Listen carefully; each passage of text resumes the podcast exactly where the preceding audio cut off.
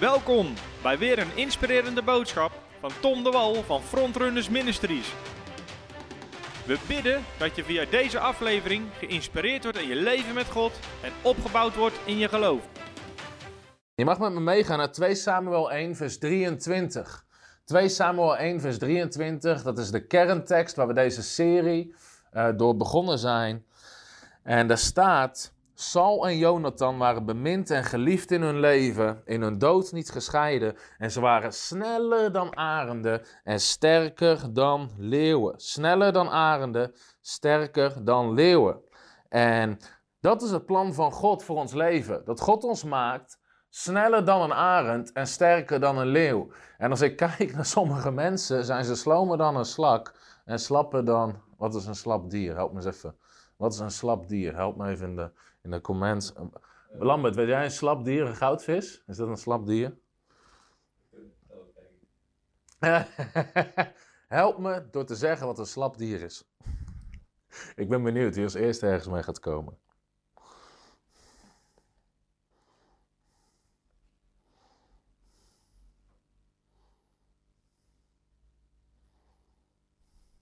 Wie helpt me met een slap dier?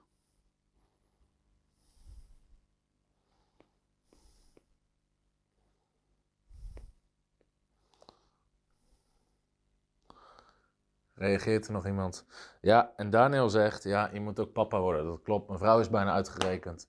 Uh, dus dat komt er ook nog bij. Halleluja. Uh, maar dat is een enorme zegen ook voor God. Uh, die we van God krijgen. In ieder geval, de wil van God is dat je sneller bent dan een arend en sterker dan een leeuw in je leven. In, in andere woorden, dat je wandel met God snel is en effectief is en efficiënt is. En ik wil mijn leven met God effectief wandelen en efficiënt wandelen en sterker zijn dan een leeuw. Leeuwen zijn sterke dieren, imposante dieren. Ze worden de koning van de savanne genoemd, de koning van de jungle. Um, het zijn sterke, imposante dieren. En uh, dat is een plan van God voor je leven. Dat je sterk bent en snel bent, effectief bent in zijn koninkrijk. En uh, luiaard, zegt Erik. Inderdaad, God wil niet dat je zo sloom bent als een slak en zo slap als een luiaard. Hij wil dat je sneller bent dan een arend en sterker dan een leeuw. Dus dat is het plan van God voor je leven. En uh, ik spreek op heel veel plekken en er zijn mensen, nogmaals, als je net tot geloof bent gekomen, is het prima dat je opgevoed wordt in het geloof, dat je gesterkt wordt in de Heer, dat mensen je helpen, voor je bidden, uh, dat je hulp nodig hebt. Maar sommige mensen zitten tientallen jaren in de kerk en ze kunnen eigenlijk nog steeds niet op hun eigen benen staan. Ze hebben altijd hulp nodig, altijd pastoraat nodig, altijd gebed nodig. Dat is niet het plan van God voor je leven. Als je het nodig hebt, is het oké, maar je kan daar bovenuit groeien. Net zoals een kind wat je krijgt. In het begin moet je dat kind helpen. Je moet het opvoeden, je moet het eten geven, je moet overal mee helpen. Maar er komt een tijd dat het op zijn eigen benen moet gaan staan, zodat het weer anderen kan gaan helpen. En dat is hetzelfde um, voor jouw leven. Dat je niet alleen gefocust bent op je eigen noden, maar dat je komt op een punt waarin je krachtig bent om de noden van anderen te vervullen. En dat is het plan van God voor je leven, waar God wil dat je naartoe gaat. En daarom hebben we deze serie genoemd Sterker dan leeuwen. Sterker dan leeuwen. En de eerste keer hebben we gedeeld over een sleutel om sterk te worden is je God kennen. God kennen. De Bijbel zegt in Daniel 11, vers 32: Zij die hun God kennen, zullen sterk zijn en grote daden doen. Zij die hun God kennen, zullen sterk zijn. Dus de eerste stap naar een overwinnend leven is God kennen. En wat we daarvoor nodig hebben, wat je moet begrijpen, is openbaring. En iets wat ik altijd zeg op Bijbelschool, als ik daar lesgeef morgen, ga ik weer lesgeven op een fulltime Bijbelschool. Um, een van de principes die ik er altijd onderwijs is: It is not luck, it's light. It is not luck, it is light. Het is geen geluk. Het is openbaring wat zorgt dat je een overwinnend christen bent. Het is geen geluk dat je gebeden verhoord worden. Het is geen geluk dat je succesvol bent in het plan van God voor je leven. Het heeft te maken met openbaring. En daarom bidt Paulus in Efeze hoofdstuk 1, vers 17. Daar is Paulus aan het bidden en hij bidt voor de gelovigen. En hij zegt: Ik bid dat je de geest van wijsheid en openbaring krijgt. De geest van wijsheid en openbaring. Lambert, ik zie dat het uh, batterijtje knippert van de, van de ontvanger. Dus ik weet niet hoe lang die nog meegaat. Misschien dat ik zo een paar seconden weg ben, dat we er even nieuwe batterijen uh, in moeten doen. Maar het is de wil van God dus dat je openbaring hebt voor je leven, uh, wat je sterk bent. Oh, dat is helemaal, slim. We gaan hem vervangen.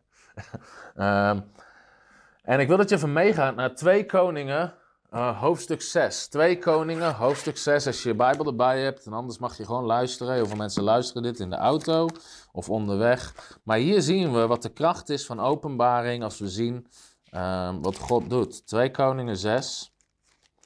En dan. Um,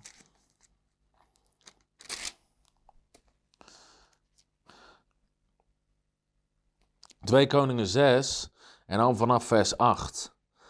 En daar staat: De koning van Syrië voerde oorlog tegen Israël en pleegde overleg met zijn dienaren en zei: Mijn legerkamp moet op die en die plaats zijn. Dus de koning van Syrië is de vijand van Israël en hij stelt zijn leger op tegen God. En dan Elisa, een man van God, een profeet, en uh, die stuurt dan boden, dus die stuurt boodschappers naar de koning van Israël. En die zegt: Wees op uw hoede dat u niet langs die plaats gaat, want daar zijn de Syriërs. Dus de profeet, God laat hem zien wat er aan de hand is. En hij waarschuwt de koning, zodat ze altijd om de vijand heen kunnen. En dat gebeurde, zegt de Bijbel, twee of drie. Dat gebeurde meerdere malen. En de koning van Syrië werd boos en hij riep zijn dienaren en hij zei: uh, Weet je, hoe kan dat? En een van de dienaren zei: mijn koning, Elisa, er is een profeet in Israël en die maakt de woorden bekend die in uw slaapkamer spreekt. Dus Elisa was zo'n krachtige profeet van God dat hij hoorde wat de koning overlegde met zijn raadsmannen in zijn slaapkamer. Hoorde Elisa in de geest en hij waarschuwde de koning van Israël. En wat de koning van Syrië dan doet, die gaat besluiten om Elisa gevangen te nemen. En dat is een slecht plan om je tegen God te keren. Maar uh, en dan stuurt hij een heel leger op hem af. En Elisa die bidt dan. Ehm, en dan de knecht van Elisa, die ziet dat hele leger staan. En die is overweldigd met angst. En die zegt dan tegen Elisa in vers 15: Heer, wat moeten we doen? En Elisa zei: Wees niet bevreesd, want die met ons zijn, zijn meer dan die met zij zijn. En dus ze zien dat hele leger staan en die knecht die is bang. Ze zijn maar met z'n tweeën, Elisa en zijn knecht. Maar Elisa bidt, oh Heer, eh, eh, of Elisa zegt, die met ons zijn, zijn meer dan die met hun zijn. En dan bidt Elisa, open de ogen van de knecht. En dan ziet hij dat de bergen om hen heen vol zijn met strijdwagens, met vurige engelen. En hij heeft dus openbaring nodig. En ehm, die knecht die ontvangt openbaring en hij ziet dat het leger van God aan hun kant staat en dat ze onoverwinnelijk zijn. Gaan we even snel wisselen. Staat deze al aan?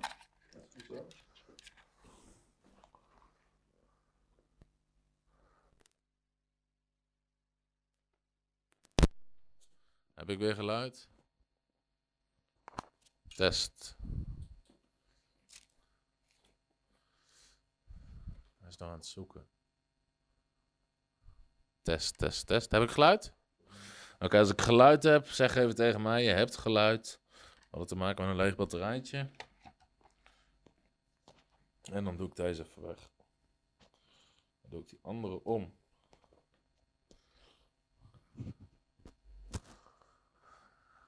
Als je me nog steeds kan horen, zeg even iets. Ik betwijfel het.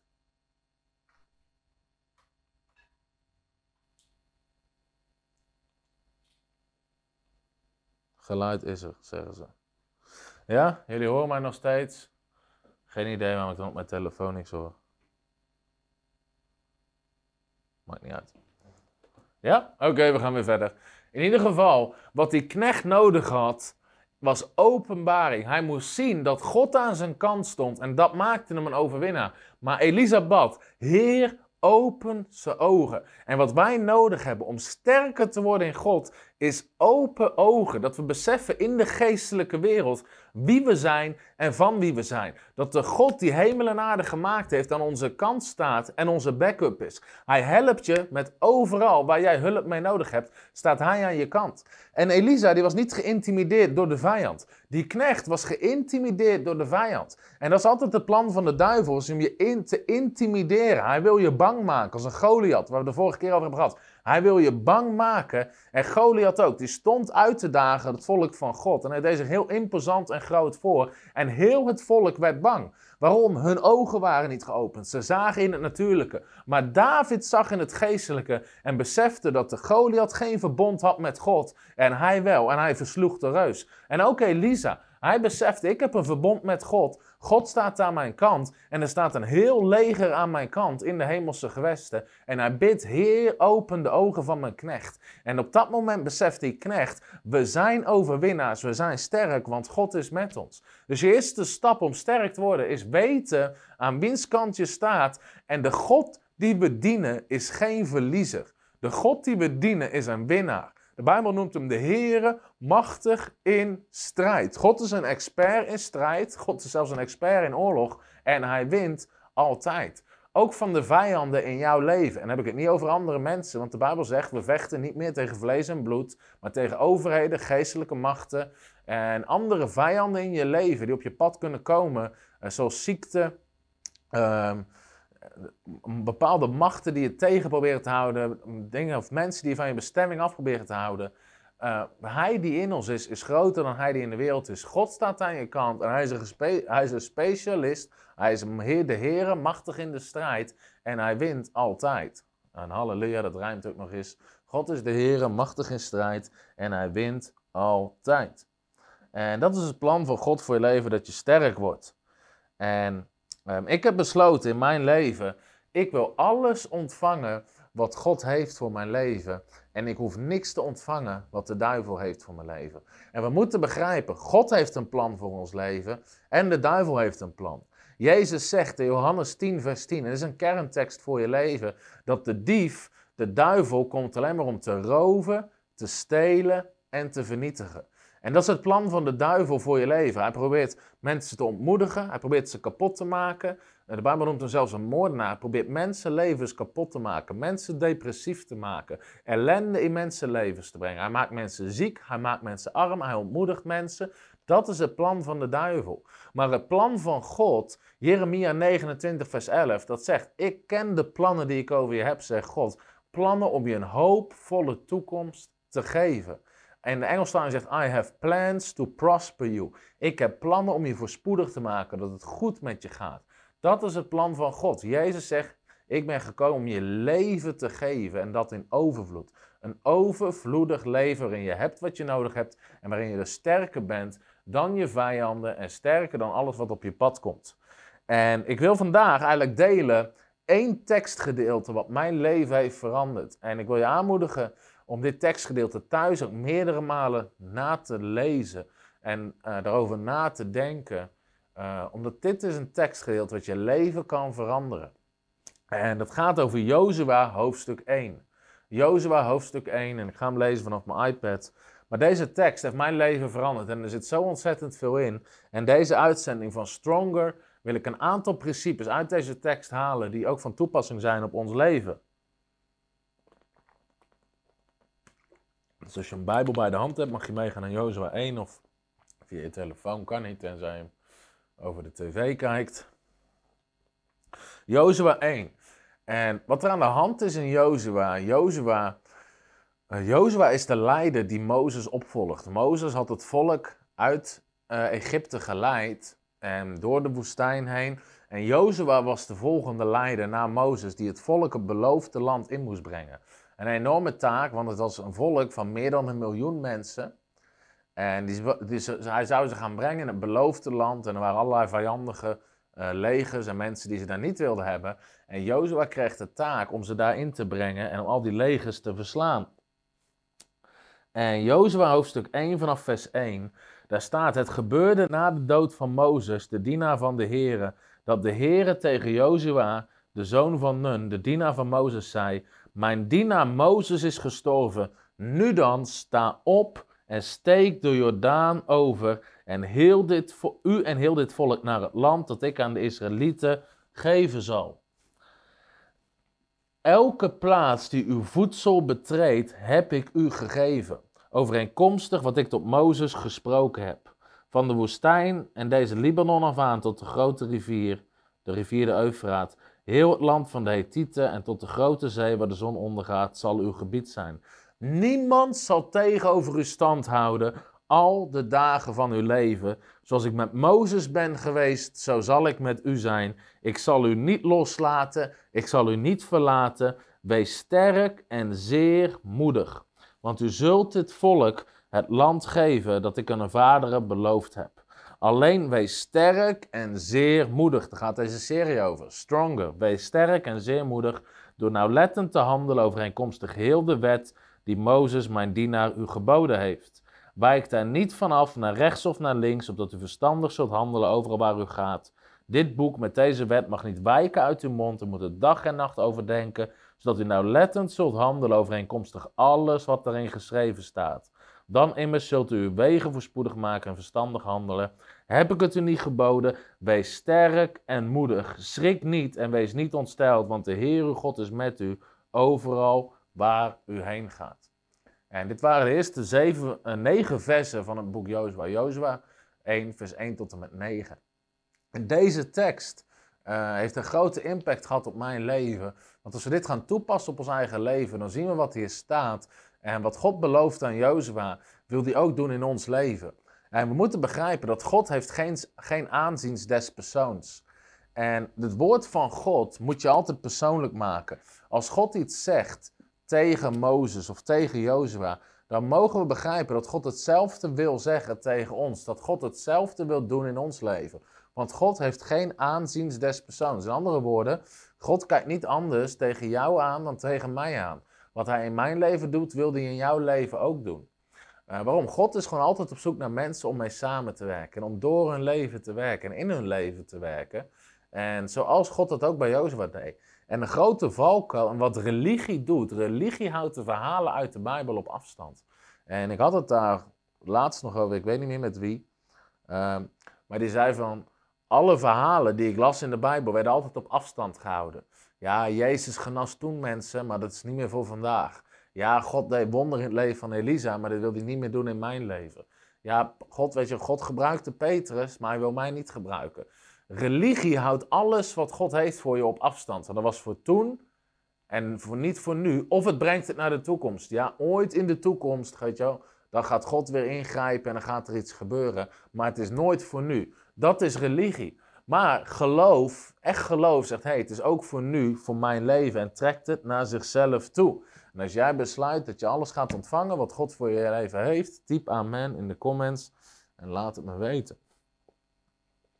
En ik wil kort kijken naar zeven dingen hier die God tegen Jozua zegt om hem sterk te maken.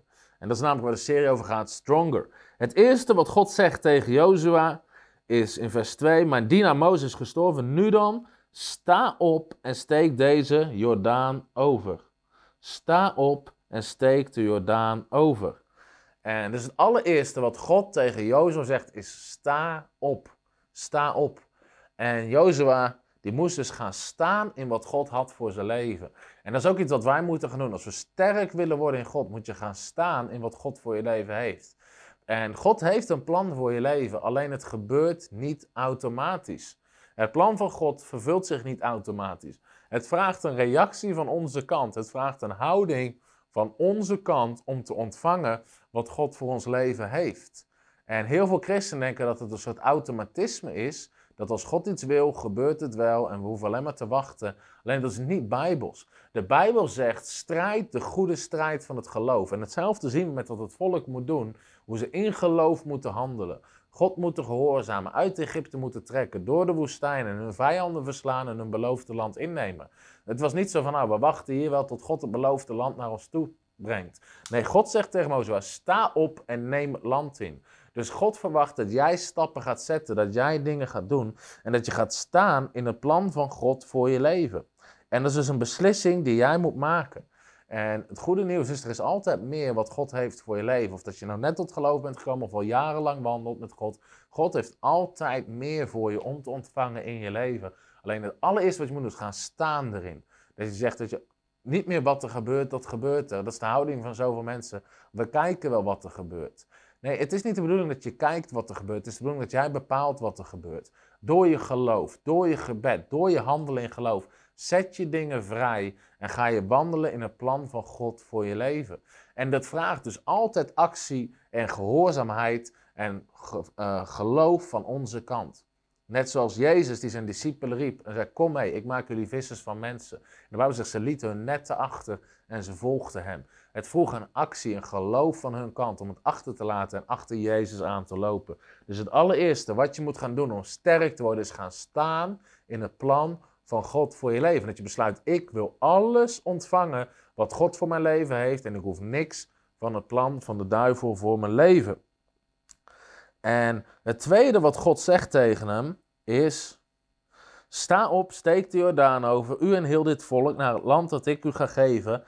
Elke plaats die uw voedsel betreedt, heb ik u gegeven. Dat is het tweede wat God tegen hem zegt.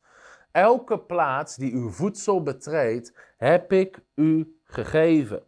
En wat we moeten begrijpen is, overal waar God je brengt, op weg naar jouw bestemming, heeft God aan jou gegeven. Er is overwinning. Elke plaats, overal waar jij je voet zet, zegt God, dat geef ik aan je. En dat betekent, als je je voeten zet richting en stappen zet in een plan van God voor je leven.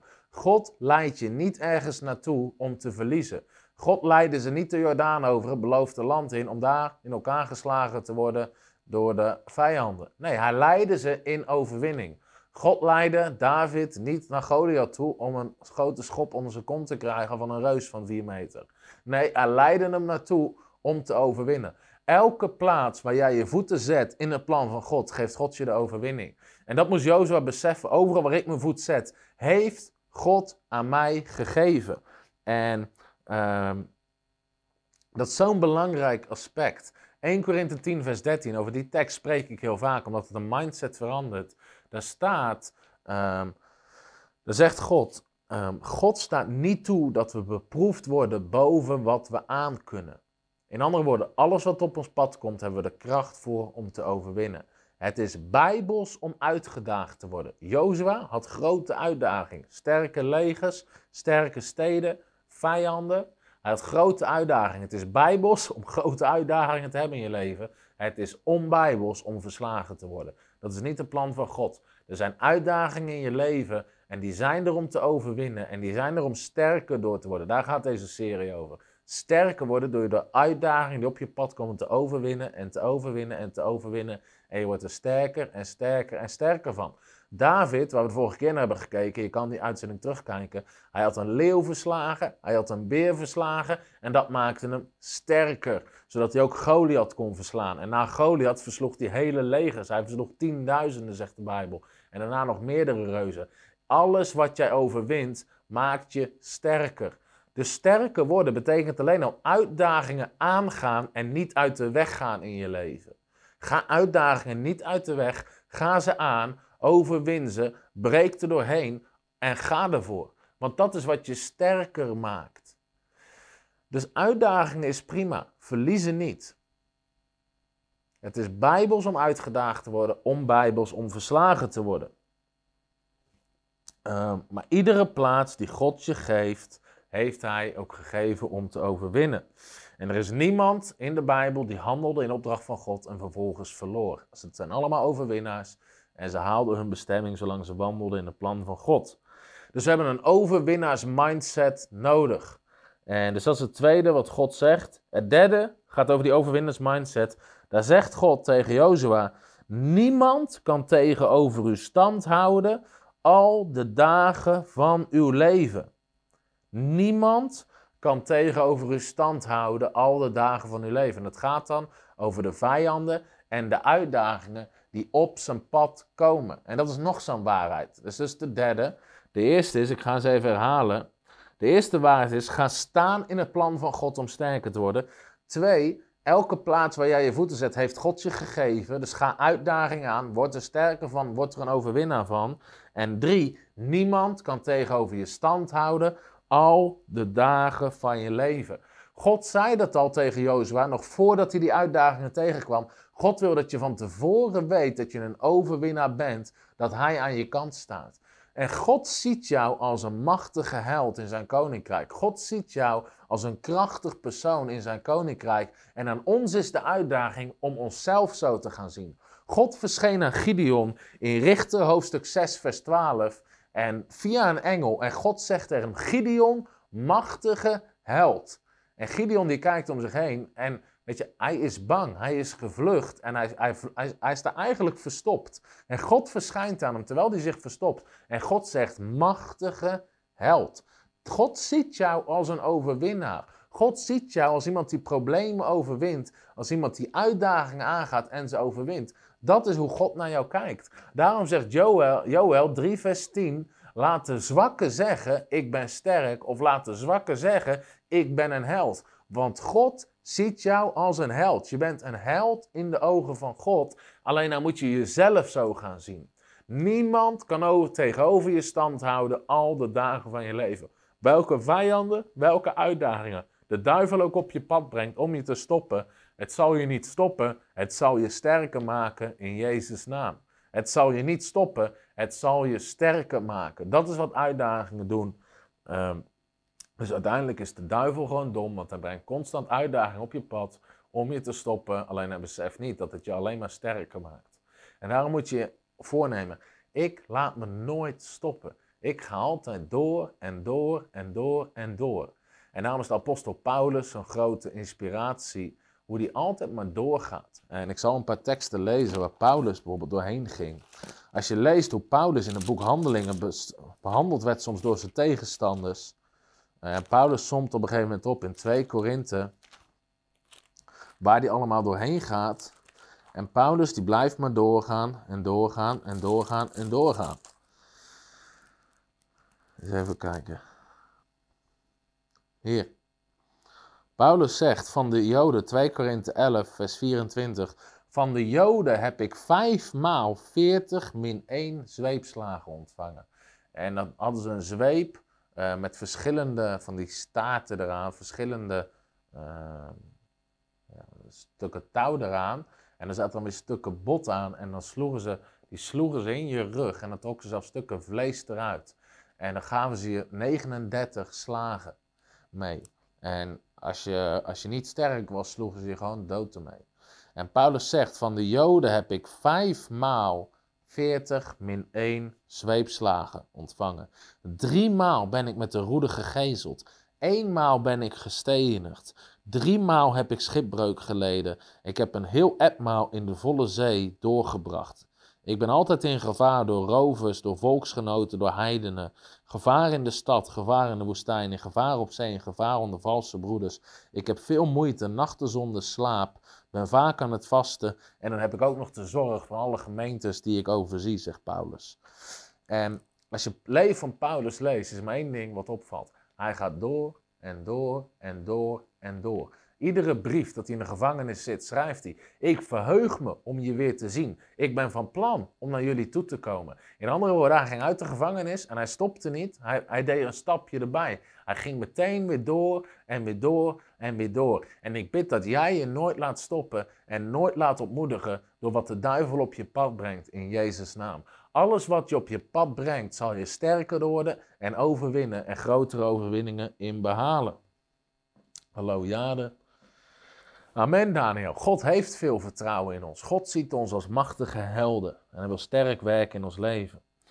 Uh, dus God ziet je als een machtige held.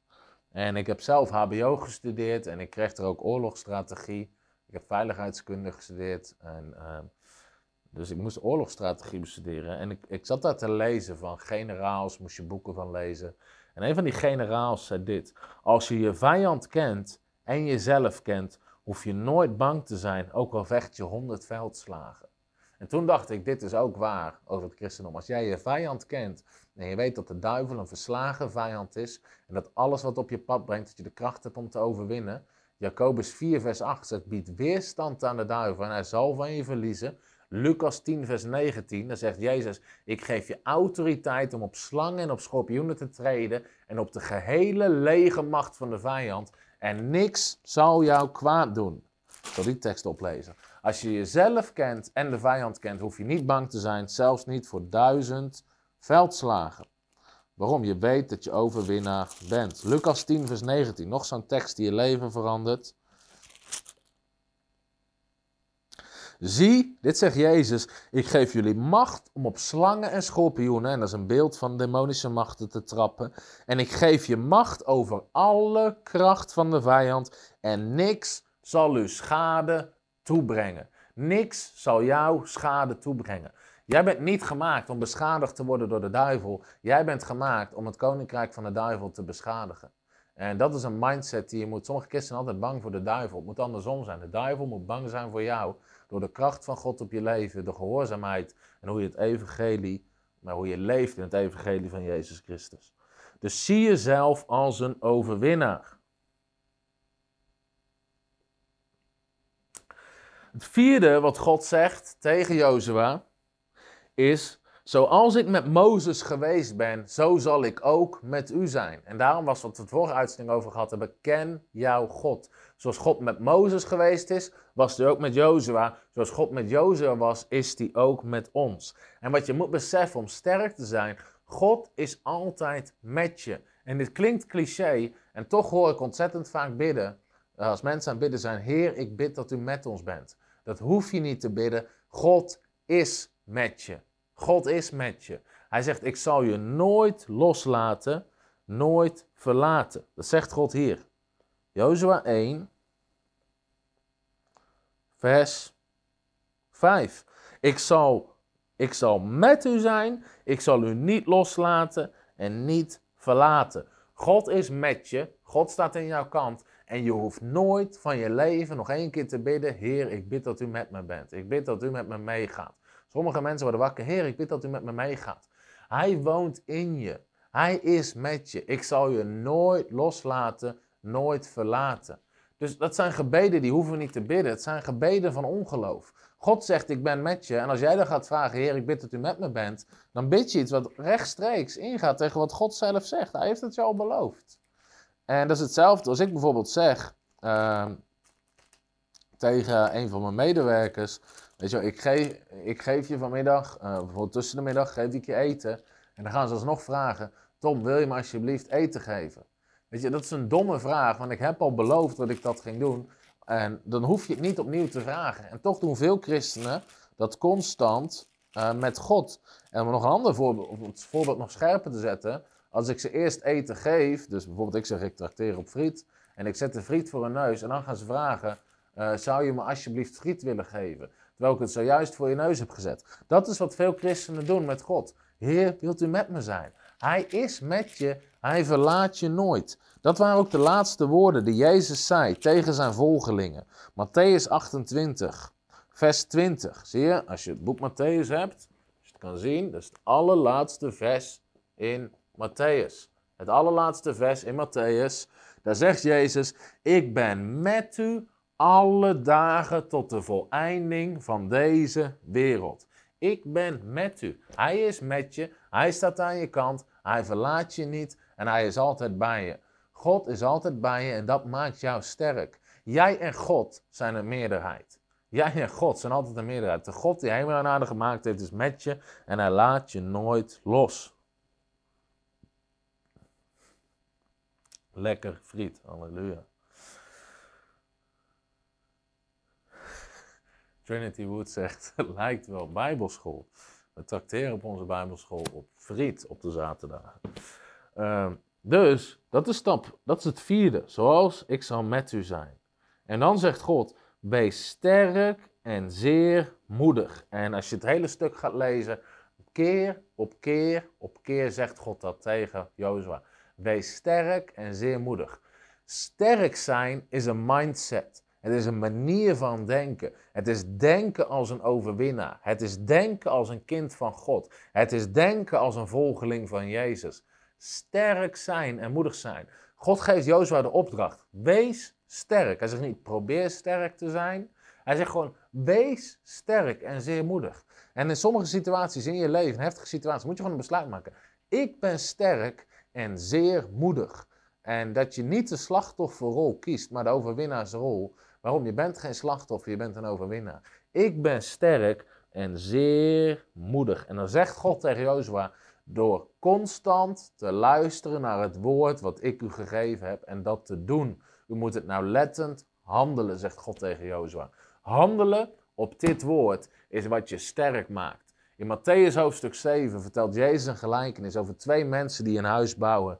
En de een bouwt hem op de rots en de andere bouwt hem op het zand. En de Bijbel zegt, en de stormen kwamen. En dat is iets dat we kunnen leren. De stormen gaan komen in je leven.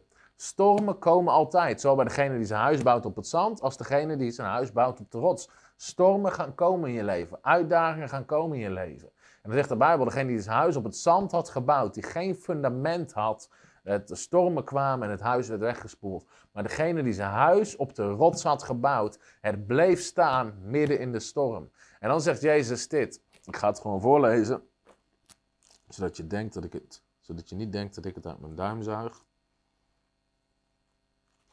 Matthäus 7, Jezus zegt dit.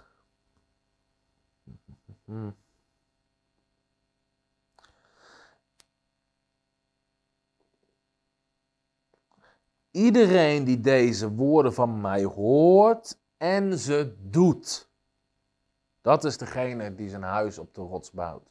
En degene die ze hoort en ze niet doet, die bouwt op het zand. Vroeger werd mij altijd verteld op zondagschool, de ene man is een christen en de andere man is geen christen. Als je een christen bent, dan bouw je op de rots en dan blijf je staan. En de andere man was geen christen. Maar dat is niet wat de Bijbel zegt. Uh, Jezus zegt, ze hoorden allebei. Jezus zegt, degene die ze hoort en ze doet, is degene die bouwt op de rots. Degene die hoort en ze niet doet. Dus ze hoorden allebei het woord van God. Het verschil was of ze het deden.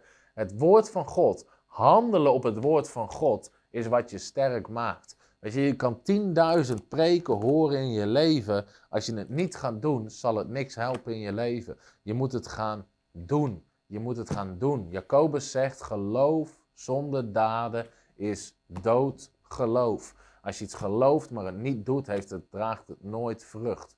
En daarom zegt God tegen Jozua, wees, uh, uh, handel op mijn woord. Dus zorg dat je handelt op het woord van God. Als de Bijbel spreekt over bidden, tijd houden met God. Als er iets is wat je sterk maakt, een sterke christen, is dat je zelf een sterke gebedsrelatie hebt met God. Dat je niet altijd nodig hebt dat anderen voor je bidden. Dat je zelf kan bidden en de kracht van God komt daar waar je bent. En je wordt opgebouwd en je hoort God spreken. Dat is het plan van God. Dat je sterk bent. Dus als de Bijbel zegt dat je in je binnenkamer moet gaan om God te zoeken. Je kan 10.000 preken horen over in je binnenkamer gaan en God zoeken. Je gaat er niks van ervaren totdat jij de deur achter je sluit, in je binnenkamer gaat, het woord van God begint te lezen en begint te bidden en daar God leert kennen. Dus handelen, het woord van God, is wat je een sterke christenen maakt. Je kan 10.000 preken horen over genezing. Totdat jij gaat uitstappen erin, gaat er niks gebeuren. Je kan 10.000 preken, maakt niet uit wat je hoort. Jezus zegt, weet je, degene die zelfs alles hoorde, was nog steeds een dwaze man. Totdat hij het begon te doen. En heel vaak komen mensen bij me voor raad of advies naar dienst als ik ergens gesproken heb. En dan vraag ik van, soms vraag ik, weet je, wat zegt de Bijbel hierover? Sommige mensen kunnen perfect vertellen wat de Bijbel erover zegt. Zeg, heb je het al gedaan? En dan is het meestal nee. Dus heel vaak willen we iets, we willen een andere, we willen een soort McDrive, we willen een hele snelle oplossing hier. Weet je wel, bid voor me en dan komt alles goed.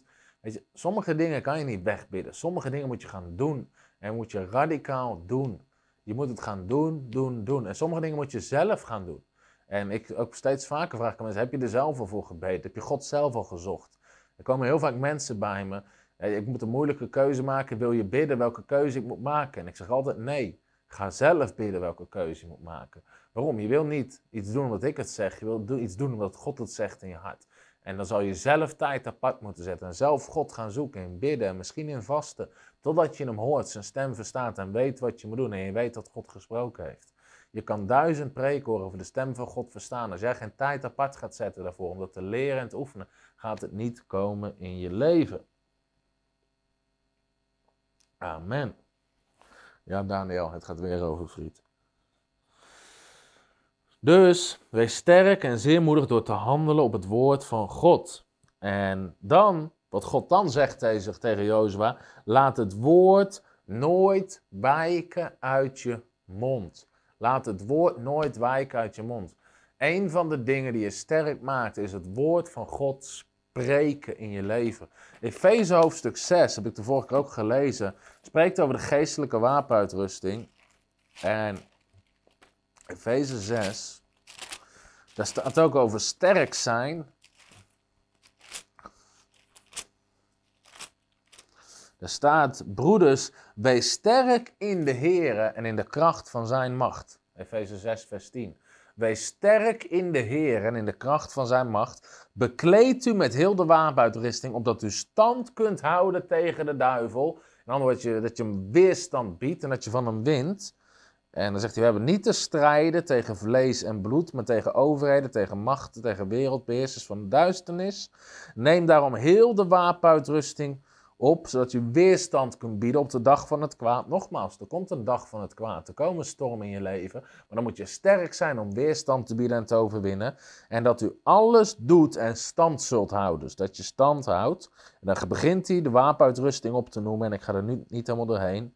Noemt hij het schild op, de helm en allemaal dat soort dingen. En dan zegt hij ook, en het zwaard van de geest, en dat is het woord van God, Efeze 6 vers 17. Het zwaard van de geest, dat is het woord van God. Er zit maar één aanvalswapen, dat is het zwaard van de geest en dat is het woord van God. Dit woord van God kan je inzetten door het te spreken uit je mond. En midden in tegenovergestelde situaties begin je te zeggen wat het woord van God zegt. Zo ontzettend krachtig, net zoals David deed tegen Goliath. Je bent een onbesneden Filistijn en vandaag nog zal ik je lichaam voeren aan de vogels. Je begint te spreken wat God zegt over de situatie. En Jezus zei hetzelfde, we spreken tegen de berg. Weet je, als je aan wordt gevallen door ziekte, begin je te spreken. Door zijn streamen ben ik genezen. God zal ziekte uit mijn midden doen wijken. Hij is de Heere, mijn heelmeester. En dat zijn de dingen die begint te spreken. Hij is de God die al mijn ziekte geneest. En je spreekt het, en je spreekt het, en je spreekt het. Het is een wapen wat je hebt, wat je sterk maakt. Wat je sterk maakt. En zelfs Jezus paste toe bij de verzoeking in de woestijn. Als de duivel hem probeert te testen. Lucas 4 en Matthäus 4. Dan zegt de Bijbel telkens. En Jezus zei, er staat geschreven. En dan quote die, citeerde die een Bijbeltekst. Er staat geschreven. Er staat geschreven. Er staat geschreven. Om sterk te staan tegen de duivel, zou je dit woord van God moeten kennen, moeten doen en moeten spreken. Dat is wat je sterk maakt. En heel veel mensen die bij me komen voor gebed naar diensten, die spreken niet het woord van God. Dat is wat God tegen Jozef zegt. Spreek dit woord van God uit over je leven. Het enige wat ze zeggen is, ze zitten altijd te klagen hoe moeilijk het is, zo zwaar het is, hoe groot hun probleem is, hoe groot hun berg is. Je moet niet praten over je berg, je moet praten tegen je berg. Marcus 11, vers 23. Jezus spreekt tegen de berg en wat je zegt zal gebeuren. Dus als er een berg is in je leven, stop met klagen over hoe groot de berg is, maar begin te spreken tegen die berg. Misschien is het een berg van angst, dat je altijd angst hebt. Begin te spreken tegen die berg van angst. Dat angst wijkt uit je leven. Dat je niet bevreesd zal zijn. Dat God met je zal zijn. Dat Hij je overal doorheen leidt. Dat je met je God over, door een lege bende heen gaat. Over een muur heen gaat. Dat je alles overwint. Dat God heeft ons niet gegeven een geest van angst, maar van kracht en van liefde en een helder denken. Weet je, dat zijn de dingen die je begint te spreken. En niet alleen maar je angst verheerlijkt, want ik ben altijd zo bang, ik heb zo'n angst. Weet je, altijd als dit gebeurt ben ik meteen bang. Je begint het tegenovergestelde te spreken. Dat is wat je sterk maakt en dat is wat God zei tegen Jozua om zijn beloofde land in te nemen. Amen. Daniel zegt: zorg dat je wapenuitrusting aan hebt. Sommige christenen krijgen eerst tien klappen en dan gaan ze nadenken waar hun schild ook alweer ligt en waar het zwaard ook alweer ligt. Nee, je hebt van tevoren, ik heb nog nooit een bokser tijdens de wedstrijd zijn handschoenen zien aandoen, zijn bitje nog in moeten doen, zijn broekje nog aan. Je bent voorbereid. En daarom zegt de Bijbel, beetje, heb je wapenuitrusting aan, zodat als de kwade dag komt, dat je dan klaar bent. Dat je stand kunt houden. Zo ontzettend belangrijk. Dus het woord spreken, dat is nummer 6. Ik ga het nog één keer herhalen. Ga staan in het plan van God. Alles wat overal waar je je voet zet, heeft Hij je gegeven. Niemand kan stand houden. Heb een overwinnaarsmindset. God is met je. Wees sterk en moedig. Spreek het woord. En als laatste zegt, zegt hij nog een keer: Wees niet bang. Dat zegt God nog een keer als laatste. Dat is punt 7. Heb ik u niet geboden? Wees sterk en moedig en schrik niet en wees niet bang, want de Heere, uw God, is met u overal waar u heen gaat. Vers 9. Weet je, haal angst uit je leven. En ik ervaar echt dat de mensen met angst zitten te kijken. Ik gaf het net ook als voorbeeld. Maar haal angst weg uit je leven. We moeten begrijpen, God kent geen problemen, God kent alleen plannen. God kent geen problemen, God kent alleen plannen. En daarom, dit is het verschil tussen angst en geloof. Angst is geloof in zijn achteruit. Angst gelooft het plan van de duivel, namelijk dat het slecht af zal lopen. Geloof gelooft het plan van God, namelijk dat het goed af zal lopen. God is over jouw situatie altijd positief. Dat zien we bij het leven van Jezus. Als iemand met een nood of een probleem naar Jezus toekomt, zegt Jezus nooit: Jongen, jongen, jongen, dit gaat waarschijnlijk verkeerd aflopen. Nee, Jezus zegt altijd: Ik ga met je mee en ik zal hem genezen. Bijvoorbeeld, uh, ja, Iris, die komt voor zijn dochtertje. Jij zegt: Ik zal komen en haar genezen. Hij zegt niet: ik, ga, ik zal komen en misschien loopt het al verkeerd af. Nee, Jezus vertrouwt op de goedheid van God. En we zitten zo vaak in angst en te mediteren op wat als er dit gebeurt en wat als er dat gebeurt. En na te denken over een slechte afloop. Maar geloof verwacht altijd een goede afloop. Geloof verwacht dat het goed afloopt. Dus wees niet bang. Laat angst niet toe in je leven. En dat is het verhaal in Marcus 5, vers 36. En weet je, hoe heftig de omstandigheden ook zijn, ook dit was een hele heftige situatie. Uh, ik zal even de context schetsen. De Bijbel zegt dat je Iris, die komt naar uh, Jezus toe. En hier in vers 23. En dan zegt je Iris, mijn dochtertje ligt op sterven. En, ik, en hij smeekt Jezus, ga alsjeblieft met mij mee. En Jairus weet, ieder moment kan mijn dochtertje sterven. Dus hij gaat naar Jezus toe en hij trekt aan zijn man zegt, Jezus, kom mee, kom mee. Mijn dochter ligt op sterven, we moeten snel zijn. En Jezus die is door die menigte heen aan het gaan met Jairus, uh, op weg naar zijn dochtertje om te zorgen dat ze niet sterft. En dan zegt de Bijbel, een hele menigte ging met hem mee en ze drongen zich tegen hem aan. Dus het was enorm druk. En Jezus probeert door die menigte heen te komen, op weg naar het huis van Jairus, iedere seconde. Ik denk dat je Iris erbij heeft gestaan. Op zo'n horloge kijken, aan Jezus trekken, mensen aan de kant duwen. Weet je, mensen gaan aan de kant. We moeten naar mijn huis toe. Mijn dochtertje sterft bijna. Mijn dochtertje sterft bijna. Weet je, en hij kijkt op zo'n horloge. Hoe lang zal ik nog hebben? Zal ze nog wel leven? In die tijd had je geen telefoon, dus hij kon niet uh, geappt worden van, joh, uh, het gaat goed of het gaat niet goed.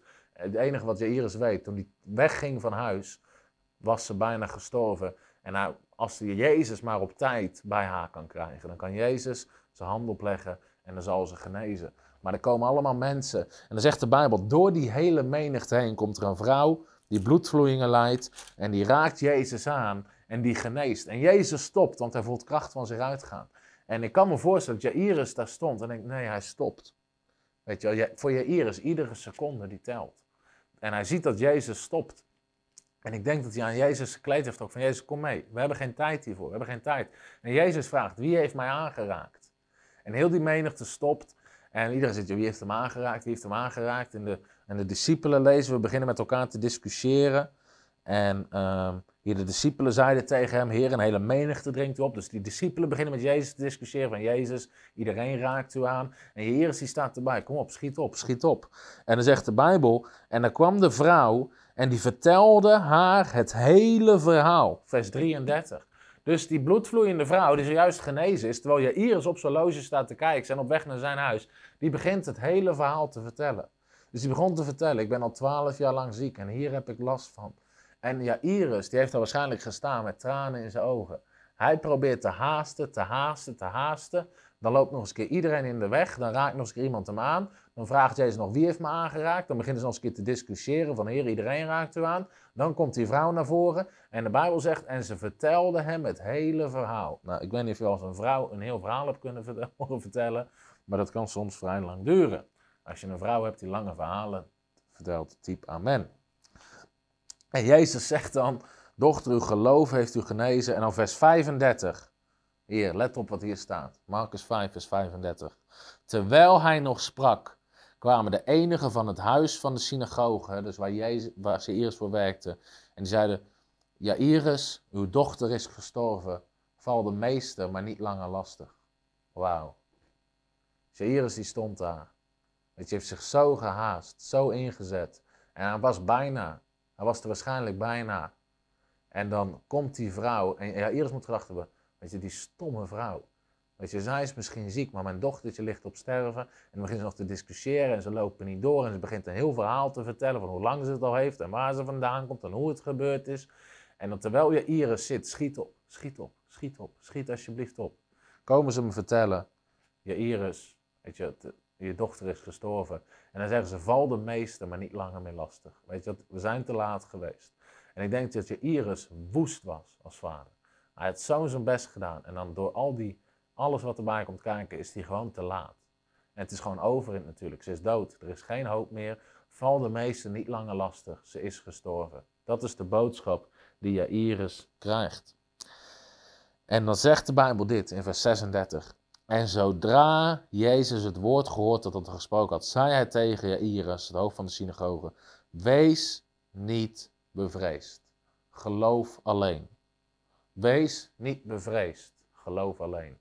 Dus te midden in die hele heftige situatie, waarin waar ja, Iris geen enkele hoop meer heeft. Ik denk dat hij ontzettend angstig was op dat moment. Zijn dochtertje gestorven, moet zijn vrouw er al niet van denken? Hoop ellende, hoe moet dit? En dan zegt Jezus, wees niet bang, Iris. Dus je, dat gaat rechtstreeks tegen je verstand in. En God zegt hetzelfde tegen Jozua. Jozua, er zijn reuzen, er zijn hele lege, sterke steden. Maar wees niet bang. En Jezus zegt, geloof alleen. Geloof alleen.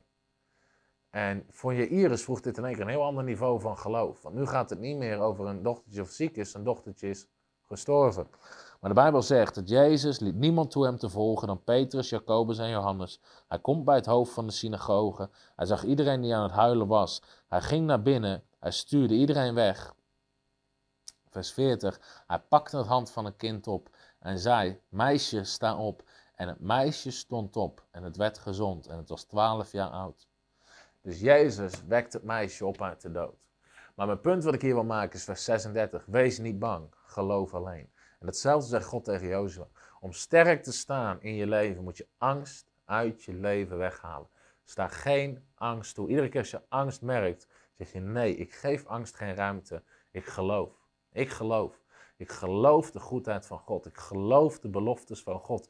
En als Gods uitkomst kent geen angst. God kent geen problemen. God kent alleen plannen. Jezus kent geen probleem. Hij had een plan. Zelfs als ze gestorven is. Of zelf, ja, zal ik eruit de dood opwekken. Ja, Iris had geen hoop meer, maar Jezus had nog steeds een plan. Wat er ook gebeurd is in je leven, Jezus heeft nog steeds een plan voor je leven. Wat er ook gestorven is in jouw leven. En uh, dat je misschien dromen, misschien dingen die gebeurd zijn. Hij wil het opwekken, hij wil het weer omhoog halen. Wees niet bang, maar wandel met Jezus. Wees sterk erin en zorg dat angst nooit regeert in je leven. Want God wil je sterker maken. Daar gaat deze serie over. Stronger. Dus ik hoop dat deze zeven punten je gezegend hebben. Dat je sterker en sterker en sterker wordt. En uiteindelijk een sterke christen wordt. En de tekst waar ik mee af wil sluiten is Psalm 105 vers 24, waar staat: Hij deed zijn volk zeer toenemen en hij maakte het machtiger dan zijn tegenstanders. God maakt je, de Engelstaal zegt, stronger than your enemies. Stronger than your enemies. God maakt je sterker dan je tegenstanders. Net zoals Jozua. God maakte Jozua sterker dan zijn tegenstanders. Als je hierdoor gezegend bent door dit onderwijs, laat het ons weten. En als je nog vragen hebt, laat het ook weten. En dus ik heb zeven principes gedeeld om te zorgen dat je sterk wordt in je wandel met de Heer. Zeven principes waardoor je sterk wordt in je wandel met God. Uit Jozua 1, vers 1 tot 9. Nummer 1, ga staan in het plan van God voor je leven. Nummer 2, elke plek waar je voet zet heeft hij aan je gegeven. Nummer 3, niemand kan tegenover je stand houden. Nummer vier, zoals God is met je, zoals hij met Mozes en Jozef was, is hij ook met jou. Ik zal je niet loslaten, nooit verlaten. Nummer vijf, wees sterk en zeer moedig. Nummer, uh, door te handelen op het woord van God, dat is nummer vijf. Nummer zes, spreek het woord van God. En nummer zeven, laat geen angst toe in je leven. Amen. Dus dat was deze week weer Voice of Faith met de serie Stronger. Dus als er nog vragen zijn, laat het me weten. Als je een vraag voor onze Q&A over een ander onderwerp, hoe je met bepaalde dingen om moet gaan in je wandel met God, mail ze naar ons naar info at Frontrunner's Ministries. Hallo, Tom de Wol hier en bedankt dat je weer geluisterd hebt naar onze podcast. Ik bid dat het je geloof gebouwd heeft en je bemoedigd bent. Als je niet alleen een luisteraar van onze boodschap wil zijn, maar ook een verspreider daarvan, wil ik je uitnodigen om partner te worden van Frontrunners. Door jouw maandelijkse donatie help je ons om dit evangelie van Jezus Christus en het woord van God over heel de aarde te brengen. Om partner te worden, ga naar www.frontrunnersministries.nl slash partners en word partner. Hartelijk bedankt en tot snel. Heb je ook zo genoten van deze inspirerende boodschap van Tom de Wal? Abonneer je dan op deze podcast. Volg ons op Facebook en op Instagram en kijk op onze website frontrunnersministries.nl.